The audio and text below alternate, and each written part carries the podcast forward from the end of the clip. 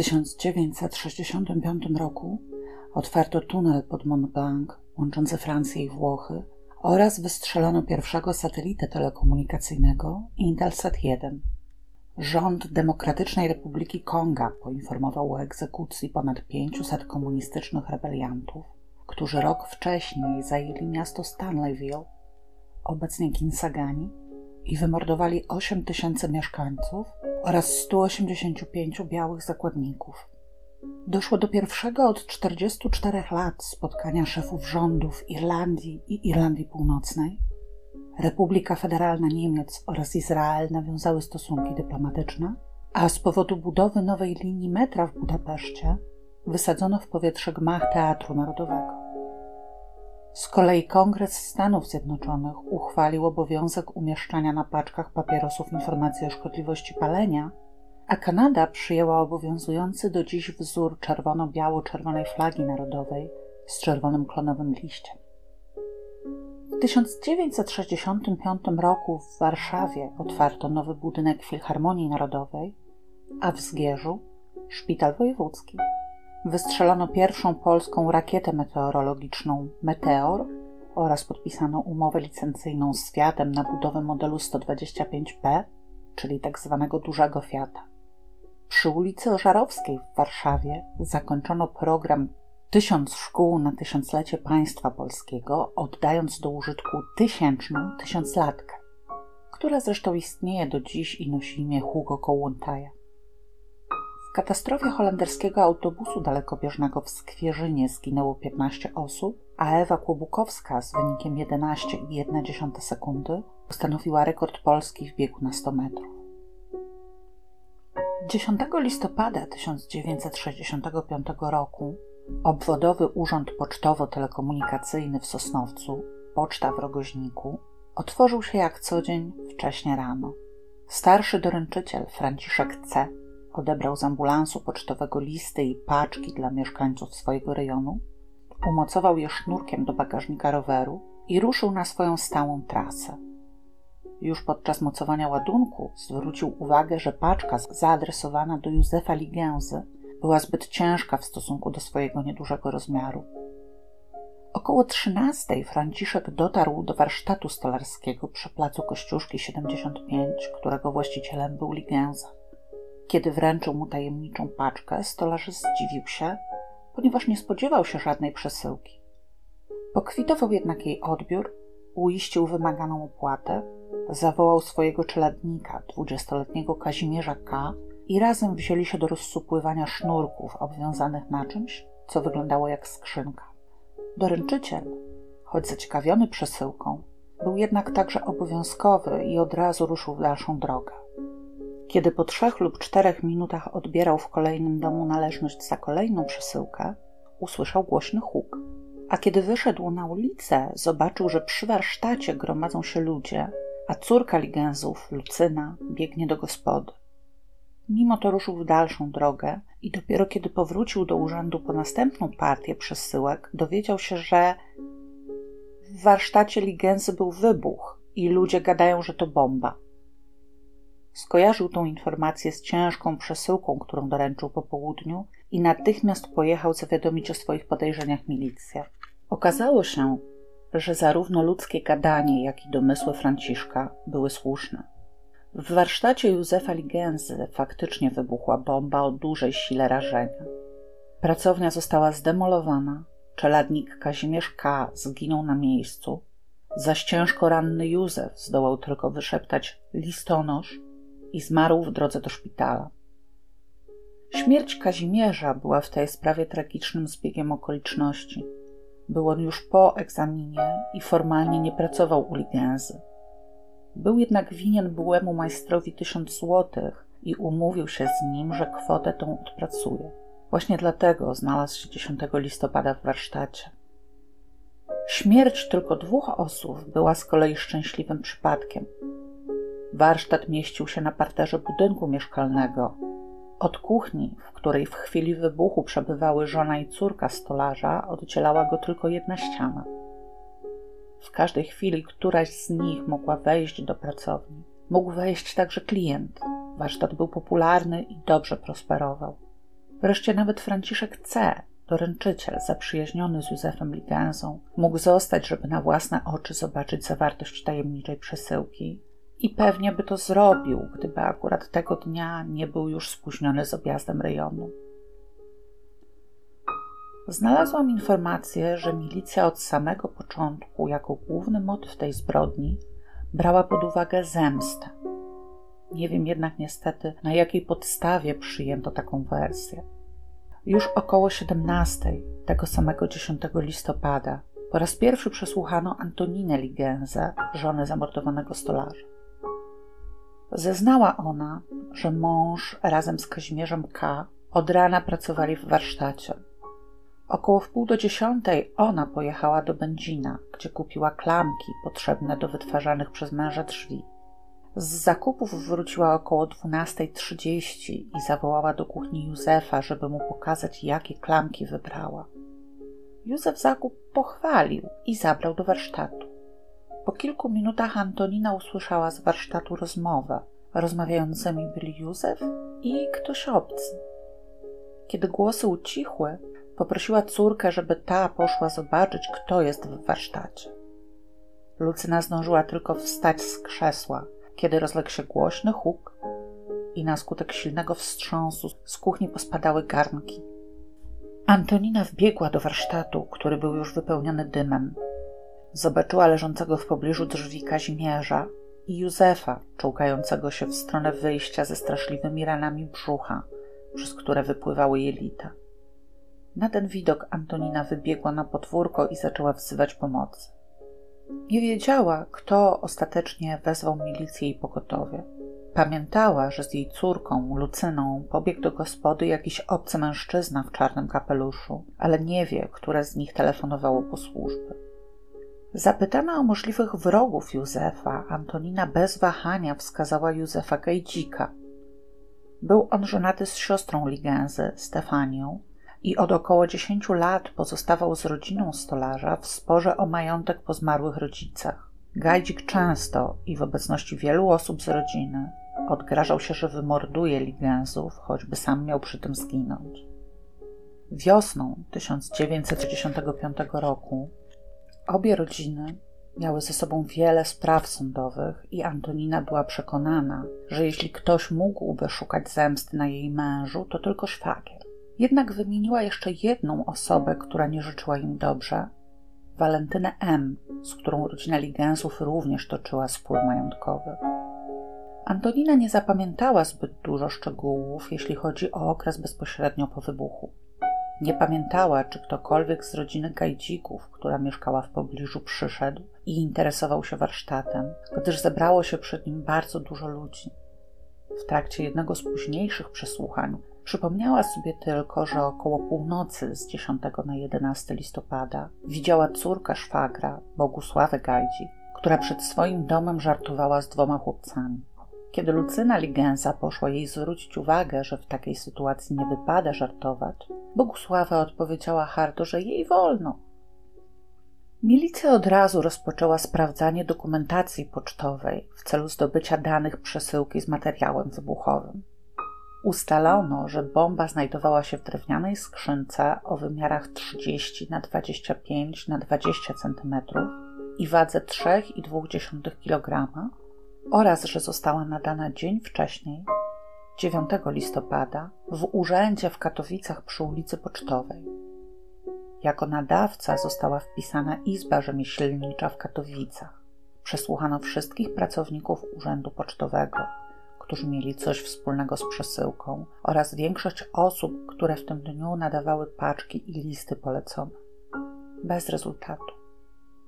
Idąc za wskazówką zawartą w zeznaniach Antoniny, milicja zainteresowała się jej szwagrem Józefem Gajdzikiem.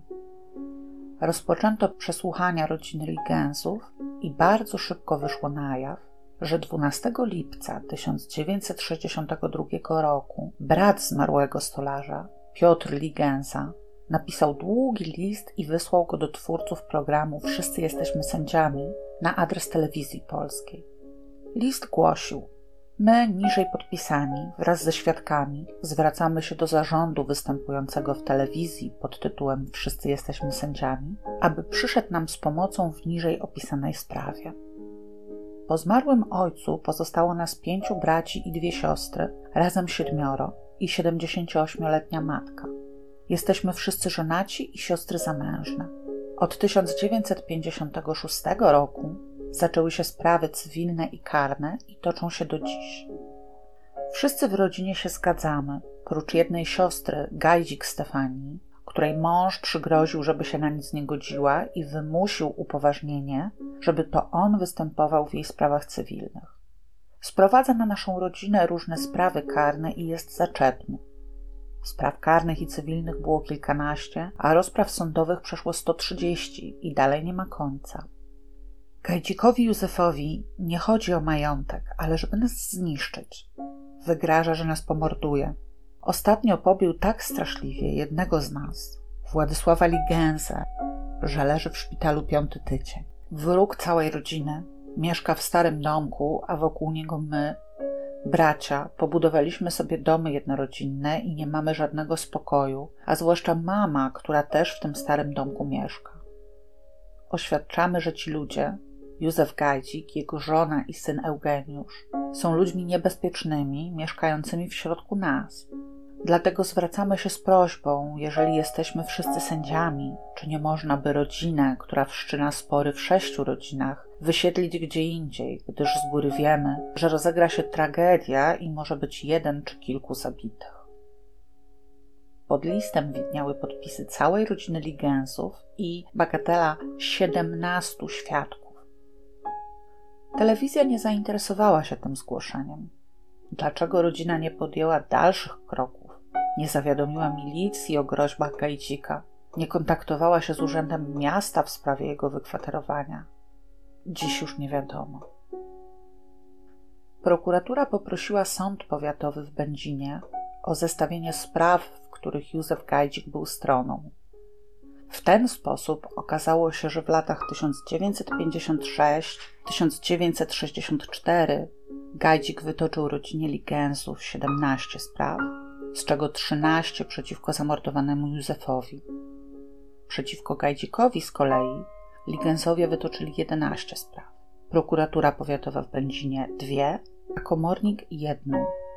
Powództwa Gajdzika dotyczyły stwierdzenia praw do spadku po rodzicach Ligensów, zagospodarowania ogródka, najścia na mieszkanie i zniszczenia ogrodzenia, naruszenia posiadania ogrodu, zakazu budowy domu na spornej parceli, porąbania ogrodzenia, zakazu budowy ogrodzenia murowanego, zakazu korzystania z trzech akrów ziemi, zasiedzenia działki, zniesławienia itd. Tak i tym podobnie.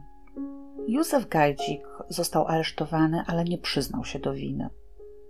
Badania pisma potwierdziły, że to on był nadawcą paczki z ładunkiem wybuchowym, ale brak mu było specjalistycznej wiedzy potrzebnej do skonstruowania zapalnika. Milicja zaczęła więc poszukiwać w kręgu jego znajomych elektryka. Przesłuchano wiele osób bez rezultatu. Zwrócono tylko uwagę na pracującego wraz z Gajdzikiem w kopalni węgla kamiennego Andaluzja, tej samej, w której za pięć lat podejmie pracę Joachim Knychała, elektromontera Stanisława B. Przyznał on, że Gajdzik skarżył mu się na szwagra i pytał, czy nie szłoby im wysłać jakiejś paczki pocztą i rozwalić tę bandę, ale B pytania o wykonanie takiej paczki zbył a pomysł odradzał, mówiąc, że samemu można albo zginąć, albo odpowiadać za morderstwo. Ostatecznie jednak Gajdzik zmiękł i 22 stycznia 1966 roku przyznał się do postawionych zarzutów i złożył spójne wyjaśnienia, po raz pierwszy ujawniając, że w sprawie zamachu bombowego nie działał sam. Wyjaśnienia odebrał od niego magister Zygmunt Olszewski, wiceprokurator prokuratury wojewódzkiej w Katowicach. Józef opowiedział mu, że w 1941 roku poślubił Stefanię Ligenzę i zamieszkał z nią w Rogoźniku wśród jej licznej rodziny. Nie udało mi się dotrzeć do informacji skąd pochodził. Źródła wspominają tylko, że nie był Ślązakiem. Do małżeństwa nie wniósł praktycznie nic. Nie miał ani wyuczonego zawodu, ani majątku. To do Stefanii należało prawo zamieszkiwania we wspólnym domu rodziny. Bardzo też szybko zaczęła ona dominować nad mężem. Pod jej wpływem przyłączył się do świadków Jehowy, co było dla niego dużym przeżyciem. Rodzina Ligensów składała się z rodziców, pięciu synów i dwóch córek. Mieli doskonałą opinię w rogoźniku, uważani byli za żyjących wyjątkowo zgodnie, zarówno między sobą, jak i z otoczeniem. Sąsiedzi przypisywali to regułom świadków Jehowy, którzy potępiają przemoc i agresję. Do organizacji tej należała cała rodzina Ligensów. W nowej wierze Józef odnalazł się szybko i zaangażował w nią głęboko. Przynajmniej do 1954 roku. Wtedy to bowiem zmarła głowa rodu Piotr Ligenza. Pozostawił po sobie testament, w którym bardzo skrupulatnie rozporządził całym majątkiem, i to właśnie okazało się problemem. Józef w tym czasie stał się już prawdziwym śląskim ojcem rodziny. Pracował na kopalni, co prawda nie pod ziemią, lecz w administracji, no ale na kopalni. Zapragnął mieć też własny domek z ogródkiem, w którym mógłby odpoczywać, kiedy już wróci strudzony z pracy i zje najlepsze kąski z pieczołowicie podanego przez żonę obiadu. Niestety, na budowę upatrzył sobie działkę, która na mocy testamentu starego Ligenzy przypadła jednemu z jego synów, również Piotrowi, późniejszemu autorowi listu do telewizji. Ponieważ nie mogli z Piotrem dojść do porozumienia w sprawie jej użytkowania, Józef założył szwagrowi sprawę sądową. W 1956 roku przegrał ją, ale to absolutnie nie powstrzymało go przed wszczynaniem kolejnych, o których już wiecie. Pozwólcie, że teraz powiem parę zdań o szeroko pojętym zdrowiu psychicznym. Pieniactwo sądowe, zwane też czasami obłędem pieniaczym, to patologiczna potrzeba dokuczenia i zaszkodzenia komuś za pośrednictwem urzędowych autorytetów. Pieniacz może nawet rozumieć, że jego zarzuty są bezpodstawne, ale świadomość, że utrudnia komuś życie, sprawia mu satysfakcję. Pieniacz zawsze wykorzystuje do końca wszystkie możliwości odwołania się, chociażby po to, by poprzez utrudnianie pracy zemścić się na urzędzie, który wydał niekorzystne dla niego rozstrzygnięcie. Wyróżnia się trzy rodzaje pieniaczy, a podział przebiega w zależności od przyczyn ich działania. Mamy więc pieniaczy działających w stanie psychozy. Zasadniczym jej objawem są urojenia, czyli nie poddające się korekcji ani perswazji fałszywe przekonania. Psychoza jest objawem choroby psychicznej. Chorzy bezgranicznie wierzą w prawdziwość swoich przekonań i wiary tej nie jest w stanie podważyć ani logika, ani doświadczenie życiowe. Chory uważa się za ofiarę niechęci, niesprawiedliwości i prześladowania. Jest też przekonany, że prześladowcy zawarli zmowę, aby mu zaszkodzić, lub że jeden prześladowca wciągnął do zmowy inne osoby albo instytucje. Problemem jest to, że system urojeniowego interpretowania rzeczywistości może udzielić się osobom z bliskiego otoczenia chorego. Wtedy to mamy do czynienia ze zjawiskiem obłędu udzielonego lub dzielonego. Najsłynniejszą chyba sprawą związaną z tym zjawiskiem jest przypadek sióstr bliźniaczek Ursuli i Sabine Erikson, których atak obłędu dzielonego doprowadził do wypadku i śmierci. Zostawię Wam w opisie link do materiału na temat tej sprawy na kanale Stanowo. Drugi typ pieniacza działa na podstawie reakcji urojeniowej. Od opisanego powyżej psychotyka różni się wyraźnie określoną przyczyną. Wejście w system urojeniowy może spowodować przegrana sprawa sądowa, odmowa przyznania renty, przyjęcia na uczelnię, czy też w zasadzie każde niepowodzenie, dla którego człowiek dotknięty reakcją urojeniową nie umie znaleźć racjonalnego uzasadnienia i nabiera przekonania, że podyktowane zostało wyłącznie czyjąś złą wolą i pragnieniem zaszkodzenia mu. Wreszcie ostatni typ pieniactwa jest nazywany warcholstwem. Nie jest to przyczyna chorobowa, a jedynie nieprawidłowa struktura egoistycznej, wyższościowej i nastawionej roszczeniowo osobowości. Człowiek o takich właściwościach nie uznaje z zasady innych racji niż własne nie toleruje niczego, co nie jest zgodne z jego oczekiwaniem, a każdy urząd jest od tego, żeby to oczekiwanie zrealizować. Na potrzeby tej historii przyjmijmy, że dwie pierwsze przyczyny pieniactwa, a więc te będące objawem choroby i wymagające leczenia, nazwiemy przyczynami psychotycznymi, a nie będące stanem chorobowym, a jedynie kwestią nieprawidłowej osobowości warcholstwo, przyczyną psychopatyczną. Wracając do Józefa Kajcika, ponieważ świadkowie Jehowy uznawali pozew sądowy za formę zakazanej przecież przemocy, został on najpierw pozbawiony funkcji, a następnie wykluczony z organizacji. Zniósł to bardzo źle, zwłaszcza, że został ukarany jako jedyny. Nikt z wytaczających mu procesy ligensów nie został wykluczony, wręcz przeciwnie. Świadkowie pomagali im i w zdobywaniu środków na kolejne sprawy, i w ich organizowaniu. Prawdopodobnie uznano, że działają w samoobronie, a może po prostu ich pozycja w organizacji była na tyle mocna, że zwyczajnie nie ośmielono się im sprzeciwić? Gnane pragnieniem, aby choć jedną sprawę wygrać i w ten sposób udowodnić swoje racje, Józef oskarżył któregoś ze szwagrów, że publicznie obraził on prezesa sądu powiatowego. Sprawę przegrał, co go załamało. Pomysł zamachu zrodził się w poczekalni należącego do Bernarda L. biura pisania podań w piekarach śląskich. Nie mając wystarczających umiejętności, aby samemu prowadzić swoje liczne sprawy sądowe, Gajdzik często korzystał z pomocy tego tak zwanego prawnika, którego ulubioną maksymą było prawo jest po to, żeby robić w lewo, a po bliższym sprawdzeniu okazywał się mieć zaledwie podstawowe wykształcenie. To właśnie w biurze Bernarda L. Józef Gajdzik w 1960 lub 1961 roku poznał Wincentego Hincza. Jako, że biuro pisania podań było bardzo popularną instytucją i przed każdą wizytą trzeba było czekać w kolejce, petenci często wdawali się ze sobą w pogawędki. Podczas jednej z takich luźnych rozmów Gajdzik dowiedział się, że Hinch ma praktycznie ten sam problem co on rozległy spór sądowy ze szwagrem. To wystarczyło, aby obaj panowie zaprzyjaźnili się i zaczęli spotykać prywatnie. I podczas jednego z takich spotkań Wincenty wspomniał Józefowi, że można by było wysłać do szwagra paczkę z materiałem wybuchowym, żeby Pierona trafił szlak. Zaproponował Gajcikowi, żeby to on podłożył lub przesłał bombę tak, aby samego Chińcza nie dało się z nią połączyć i obiecał mu 10, a może nawet 20 tysięcy złotych, czyli pomiędzy 5 a 10 średnich pensji. Gajdzik honorowo odrzucił propozycję zapłaty, zaproponował za to wzajemne świadczenie usług. Jeśli Hinch unieszkodliwi kogoś z ligensów, Gajdzik podłoży bombę jego szwagrowi.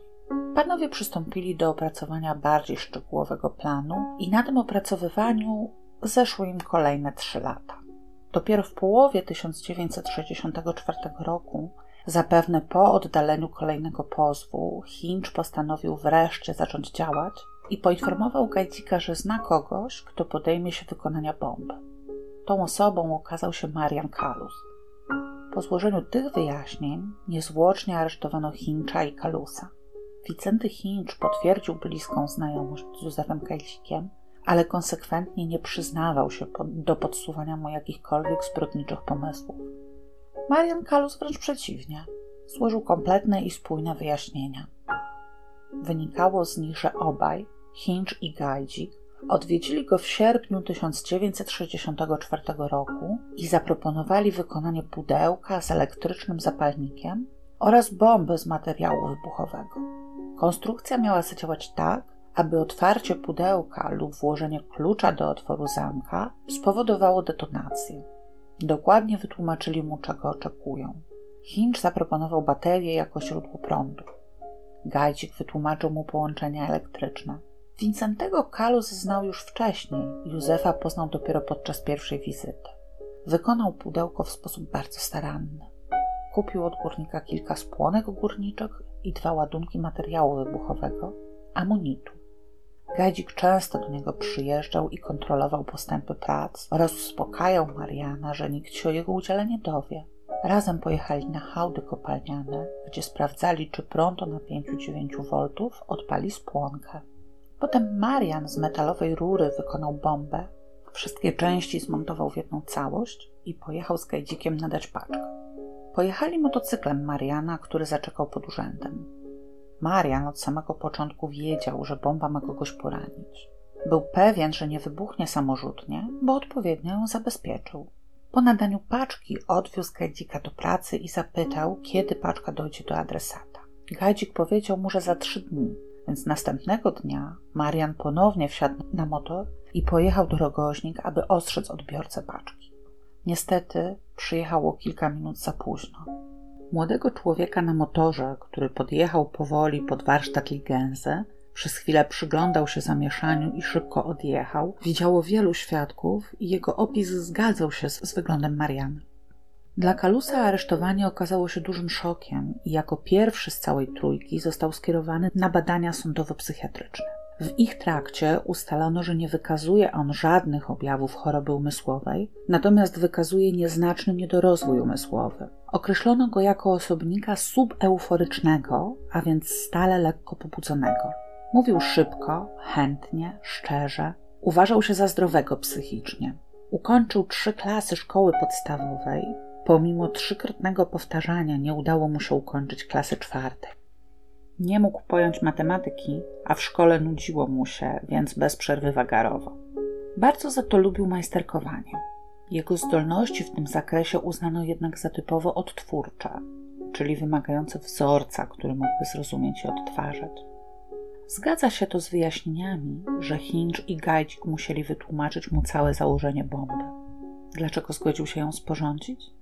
Został zainteresowany samym pomysłem i był ciekawy, czy i jak zadziała. Nie otrzymał za swoją pracę żadnego wynagrodzenia, jedynie już po nadaniu paczki Gajdzik wręczył mu 370 zł za benzynę. Józef Gajdzik również otrzymał skierowanie na badania, które przeprowadził ten sam zespół biegłych, którzy badali Kalusa. Biegli stwierdzili, że Józef Gajdzik jest w pełni zorientowany, zborny, o nastroju dostosowanym do sytuacji i wypowiedzi. Tok myślenia swobodny, zasób pojęć bogaty, śledzi z uwagą treść pytań. Czuje się chory na nerwy i na umysł, cierpi na bezsenność, dokuczają mu bóle żołądka i głowy. Powyższe dolegliwości trwają od kilku lat, w więzieniu nasiliły się. Jeśli chodzi o chorobę umysłową, to wyjaśnił jak następuje. Jeżeli zachodzi jakiś problem, to nie mogę go rozwiązać rozumowo, tylko mam napływ nadnaturalnej siły, której nie mogę przeciwstawiać się. Ludzie odradzali mu procesy z rodziną, która była zamożna i liczna, a on był sam. Siła nadprzyrodzona nie pozwalała mu jednak przestać. Siła i Bernard L., który był jego prawnym doradcą i dopingował go do nowych procesów. Myślał, że wybuch tylko zrani Józefa Ligensa, nastraszy.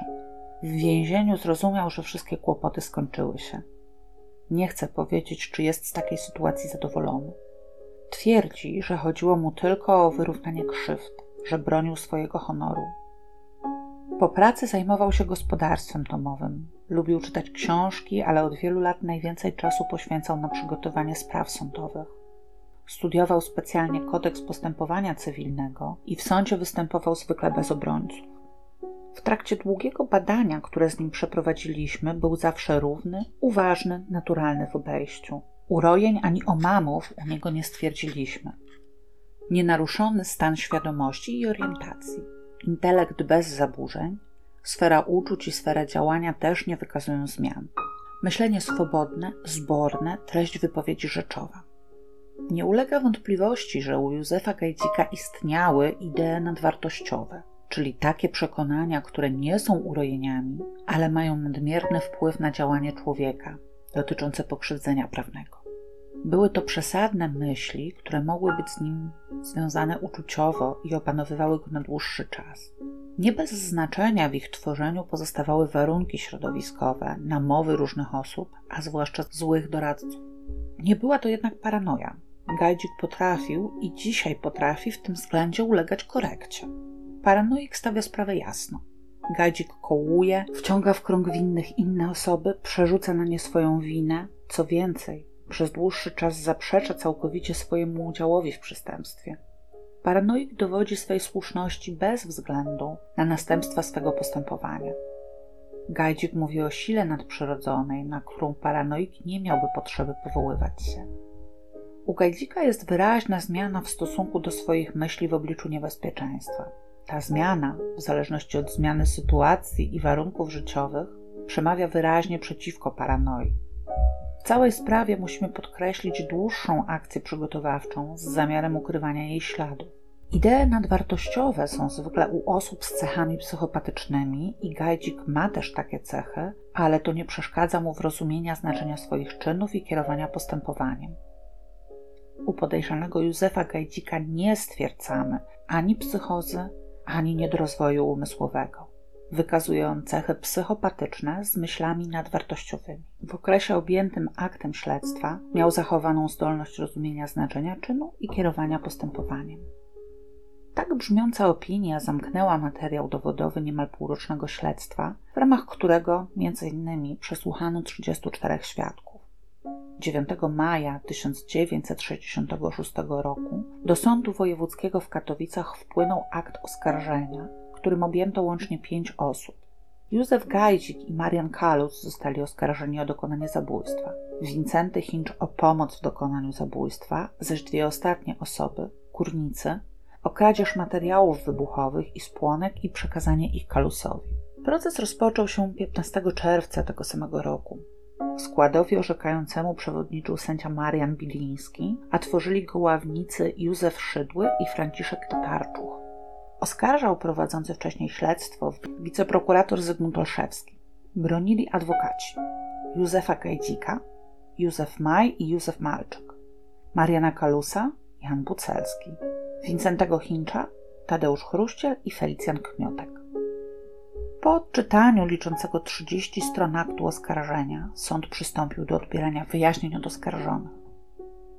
Józef Gajdzik konsekwentnie starał się umniejszyć swój udział w zabójstwie, obciążając Hincza i Kalusa. Powiedział innymi w czasie rozmowy Hinch powiedział do mnie: Ty jesteś głupi na cały łeb, jakby mi zrobili taką krzywdę, co tobie to dawno bym z nimi skończył. Mówił też, że moja rodzina jest bogata i oni mogą mi łeb ukręcić tak, jak mi grozili i nic im nie będzie. Wtedy Hinch mnie rozbroił i ożywił wszystkie krzywdy, jakie doznałem od Ligensów. Powiedział mi też, że on tę sprawę tak załatwi, że raz przekreśli moje krzywdy i że ja będę mu potrzebny i muszę mu zanieść paczkę do jego szwagra. Nie miałem siły przeciwstawiać się Hinchowi. Zdaniem Gajdzika zabójcą był Marian Kalus, ponieważ to on skonstruował bombę i nadał na poczcie paczkę. Gdyby on, Gajdzik, sam nadał paczkę, to dopiero wtedy byłby zabójcą na równi z Kalusem. Fakt, że dokumenty nadawcze były wypełnione ręką Gajdzika, a z zeznań Mariana wynikało, że tylko czekał na motorze przed pocztą, zupełnie nie przeszkadzał Gajdzikowi w wygłaszaniu takiej opinii przed sądem. Marian Kalus częściowo przyznał się do winy. Potwierdził, że zrobił skrzynkę wraz z umieszczonym w niej ładunkiem, ale podkreślał, że on na takich rzeczach się nie zna, w przeciwieństwie do współoskarżonych. Wyjaśnił.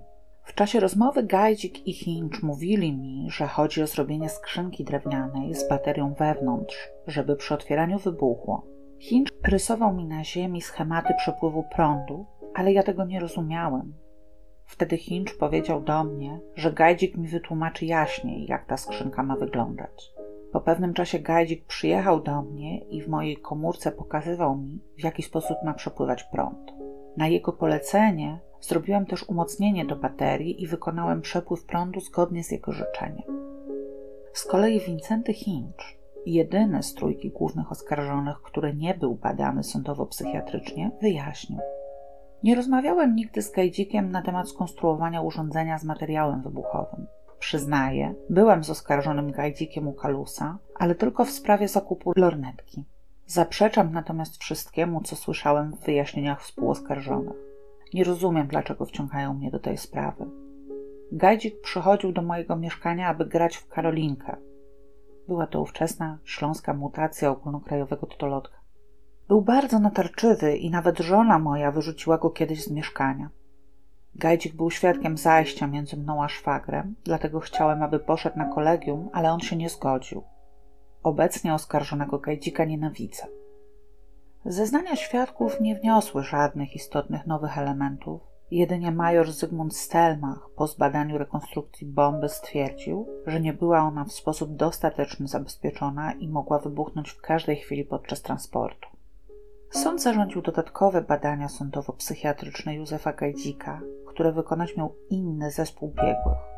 Ich wnioski pokryły się z wnioskami pierwszej opinii. Postępowanie dowodowe zakończyło się 8 lipca. Pozwólcie, że powtórzę. 8 lipca 1966 roku. Sąd rozpatrzył sprawę podwójnego zabójstwa w ciągu 23 dni. Prokuratura wniosła o karę śmierci dla Gajdzika, karę dożywotniego pozbawienia wolności dla Kalusa i 12 lat pozbawienia wolności dla Chińcza. Nazajutrz, 9 lipca, sąd ogłosił wyrok. Józef Gajdzik został skazany na karę śmierci i pozbawienie praw publicznych i obywatelskich praw honorowych na zawsze.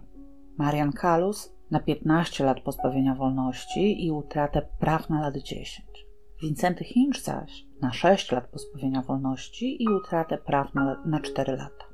Złodzieje materiałów wybuchowych otrzymali krótkie wyroki. Jeden dwóch lat pozbawienia wolności, a drugi jednego roku w zawieszeniu na 3 lata.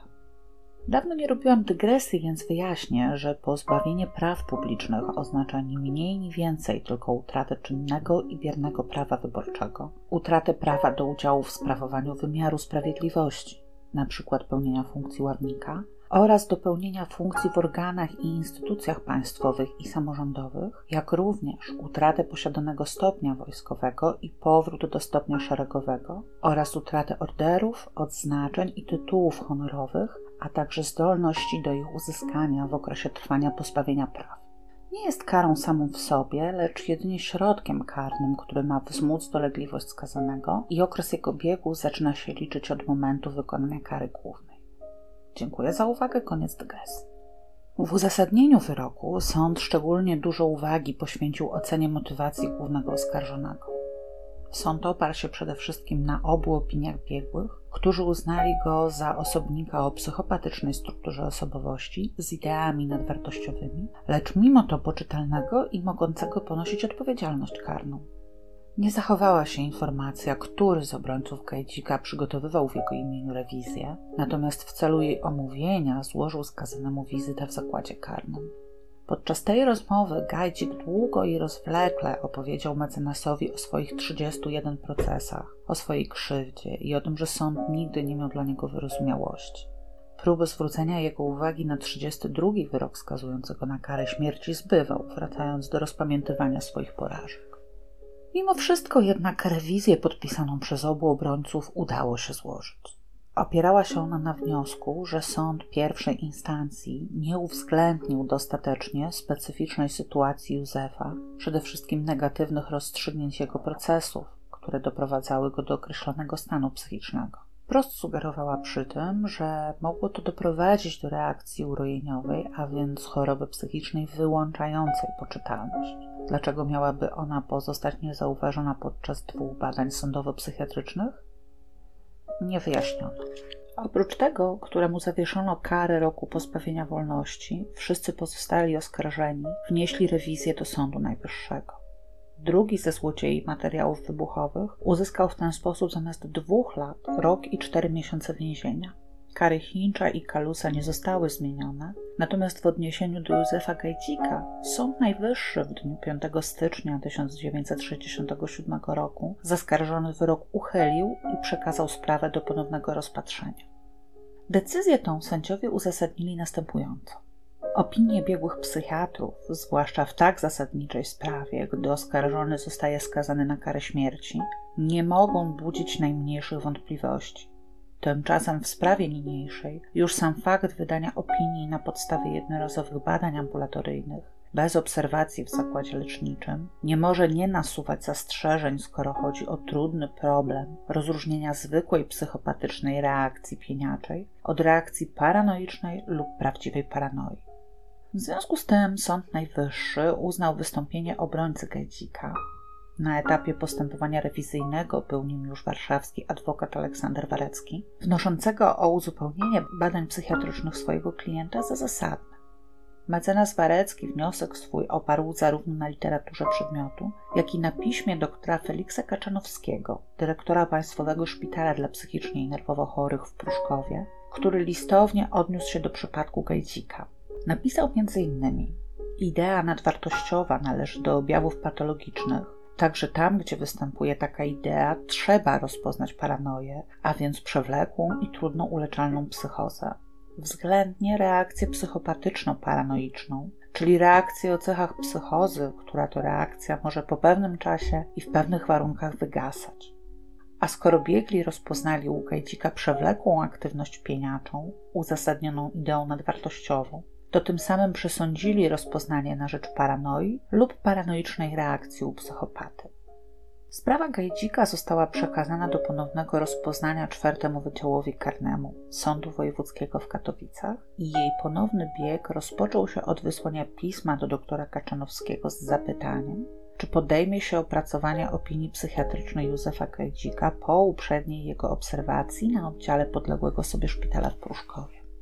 Po otrzymaniu zgody w dniu 18 kwietnia 1967 roku Józef Gajdzik został przewieziony do szpitala w Pruszkowie i przebywał tam na obserwacji sądowo-psychiatrycznej przez półtora roku. Pozwólcie, że wyjaśnię. O ile tempo rozpatrzenia tej sprawy przez sąd wzbudza mój niewątpliwy podziw, o tyle ponad rok obserwacji skłania mnie znów do przetrzymania wypadającego mózgu. W dzisiejszych czasach standardowo stosuje się dwumiesięczny okres obserwacji z możliwością wydłużenia w nadzwyczajnych wypadkach. Nie spotyka się jednak obserwacji trwającej dłużej niż pół roku. A psychiatria sądowa wcale nie rozwinęła się w ostatnim pięćdziesięcioleciu jakoś przesadnie. Pozostaje tylko westchnąć w podziwie dla układów pana mecenasa Wareckiego, który dla swojego klienta zrobił chyba więcej niż wszystko dla kwoty, jaką pan dr Kaczanowski zainkasował ze skarbu państwa za trwające półtora roku badania oraz nad bezobjawową inteligencją sędziego, który do tego dopuścił. Po półtora roku, wiosną 1969, Sąd Wojewódzki w Katowicach otrzymał stustronnicową opinię sądowo-psychiatryczną, którą podpisali doktorzy Felix Kaczanowski i Krystyna Stopczyńska i którą zakończyli następującym stwierdzeniem – na zasadzie badania materiału zawartego w siedmiu tomach sprawy oraz w wyniku półtorarocznej klinicznej obserwacji sądowo-psychiatrycznej Józefa Gajdzika w tutejszym szpitalu, rozpoznajemy u niego przewlekłą chorobę psychiczną pod postacią paranoi. Powyższa choroba, w odniesieniu do czynu, o który Józef Gajdzik jest oskarżony, znosiła jego zdolność rozumienia znaczenia czynu, jak i zdolność kierowania swoim postępowaniem w rozumieniu artykułu 17 kodeksu karnego. Paranoiczna idea nadwartościowa u Józefa Gajdzika z powodu możliwości zaostrzenia stanu psychicznego i ewentualnego nawrotu działania z motywów urojeniowo-pieniaczych bądź urojeniowo-prześladowczych i nadwartościowych czyni Józefa Gajdzika niebezpiecznym dla porządku prawnego i wymaga zastosowania odpowiednich środków zabezpieczających w myśl artykułu 79 kodeksu karnego.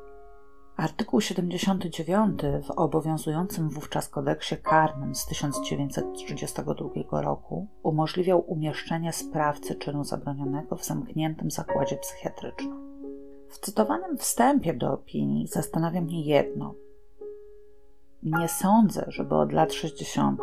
do dziś jakoś drastycznie zmienił się sposób prowadzenia akt karnych. Także możemy założyć, że jeden tom liczył także i wtedy 200 stron czyli 7 tomów to od 1201 do 1400 stron.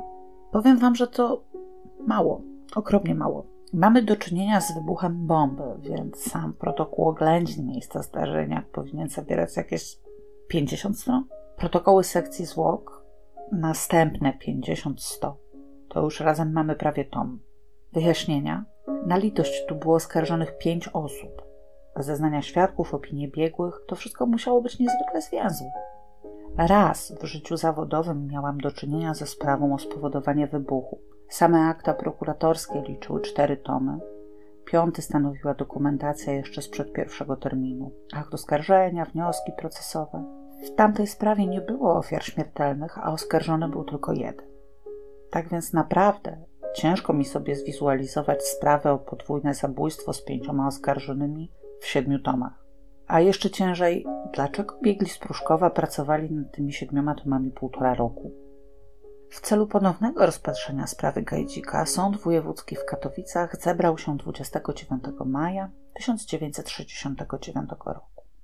Tym razem orzekało trzech ławników pod przewodnictwem sędziego Eugeniusza Wilczka, tego samego, który pozwolił na półtora roczną obserwację. Ponownie oskarżał prokurator Olszewski, bronił, jak pamiętamy, mecenas Warecki z Warszawy, na rozprawę stawił się też komplet biegłych psychiatrów.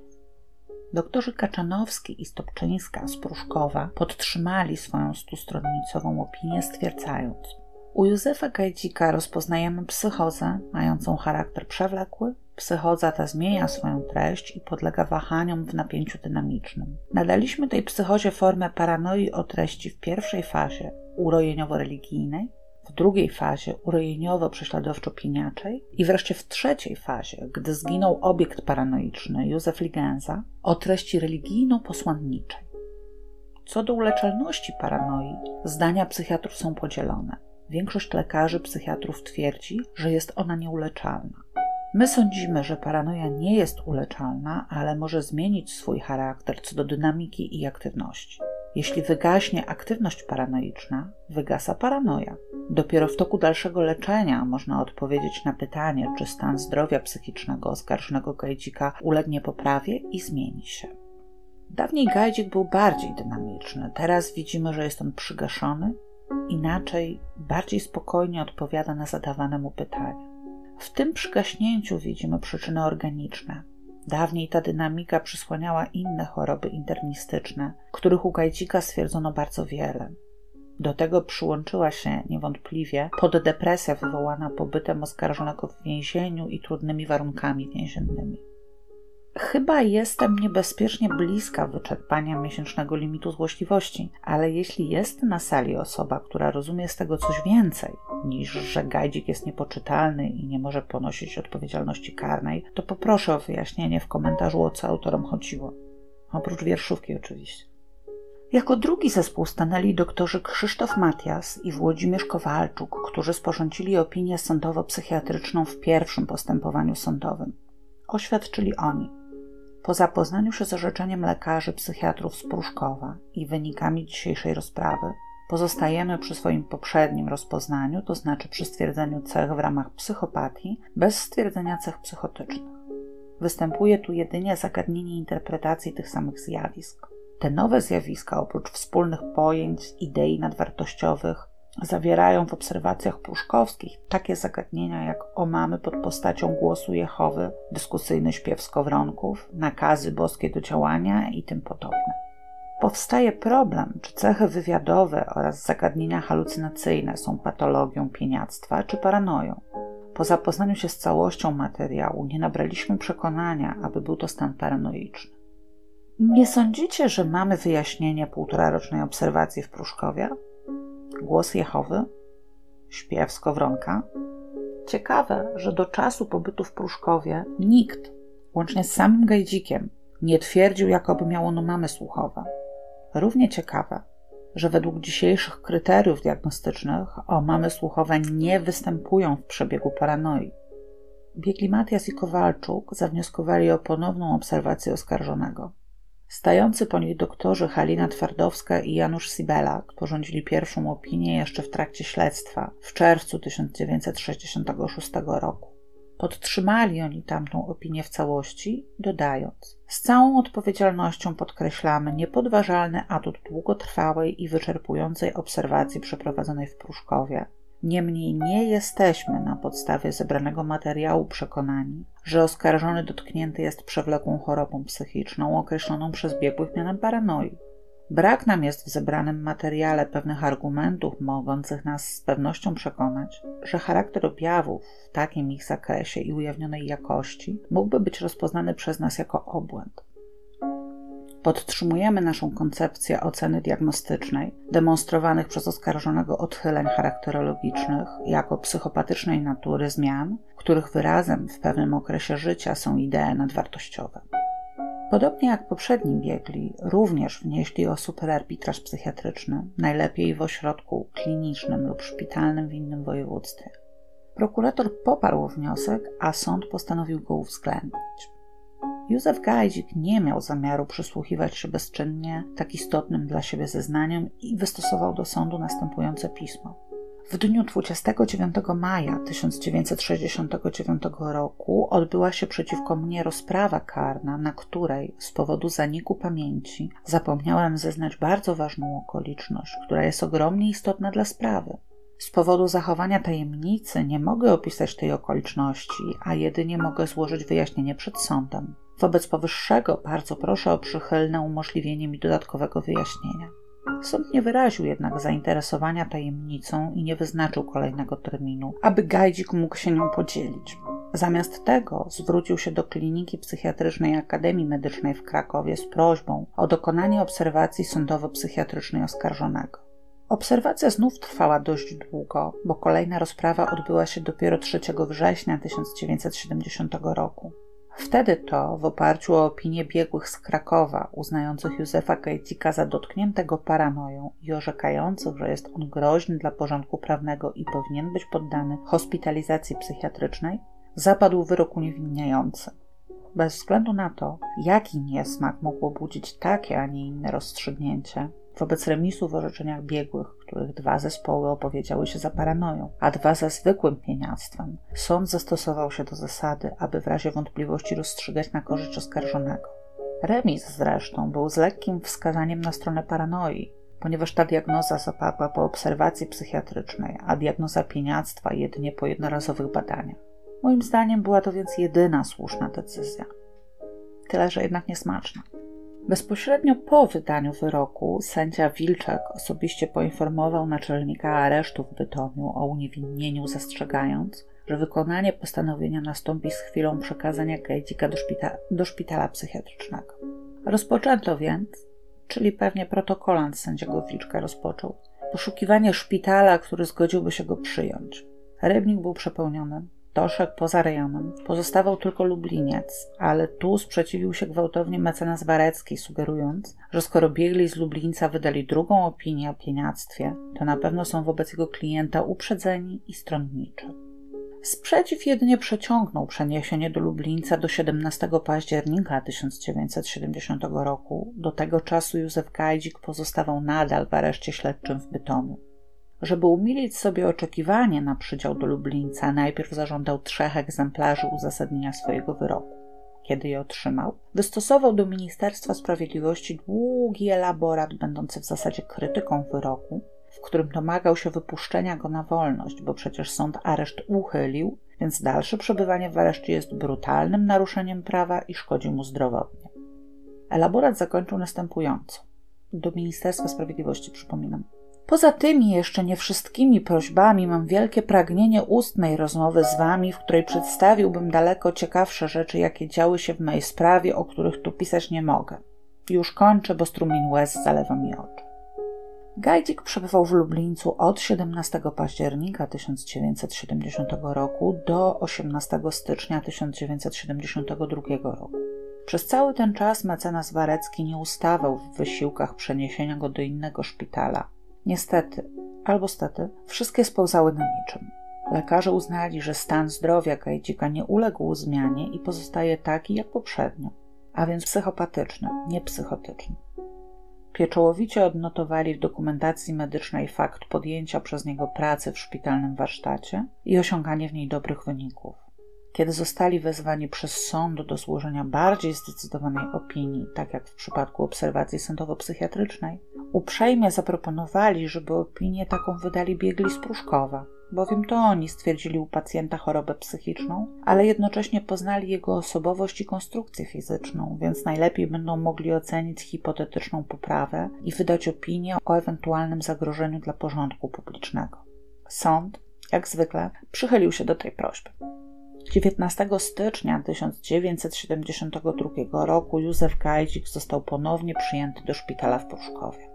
Już 17 kwietnia, a więc po trzech miesiącach, dr Kaczanowski skierował do prezesa Sądu Wojewódzkiego w Katowicach entuzjastyczne pismo o tym, że stan psychiczny pacjenta uległ kapitalnej poprawie, w bliskiej perspektywie powinien on wyjść na wolność, a na razie, tytułem próby, szpital ma zamiar udzielić mu przepustki do domu, gdzie będzie przebywał pod opieką żony i syna.